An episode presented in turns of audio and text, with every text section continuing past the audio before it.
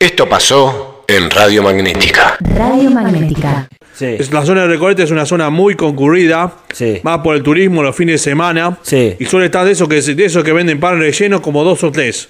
Por cada puesto suele ¿Y el haber. de Recoleta que venden? ¿Con caviar? Eh, Pueden venderlo con lo que sea los panes rellenos. Lo que pasa es que a veces algunos se, se plantan ahí y, y la gente pasa, se planta cerca del mediodía, la gente pasa y compra una. Che, vamos a hacer como que vos, vos vendés pan, pan casero. ¿Cómo harías? Dale, va. Pan, rell- pan casero, rellenito, con matambre, fiambre, pan relleno.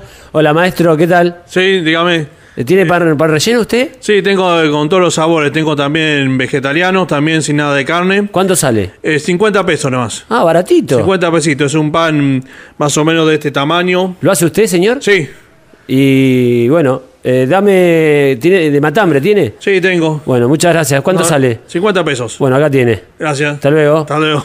Sí, Dale, va. churros. Churros, calentitos los churros. Maestro, ma- ma- maestro. Sí, sí, Eh, dígame. ¿Churro tiene? Sí, vale, vale 100 pesos la docena. Bueno, una docena, por favor. Eh, ¿Los querés simples o rellenos? Me parece que. Marta, ¿de qué querés vos? ¡Relleno! Bueno, te lo doy relleno, Relleno, me con dulce parece. de leche. Bueno, bueno. Ahí están. Bueno, 50, muchas 100 gracias. pesitos. Muchas gracias. No, nada. Hasta luego. Chao, hasta luego. Radio Magnética. Esto pasó en Radio Magnética.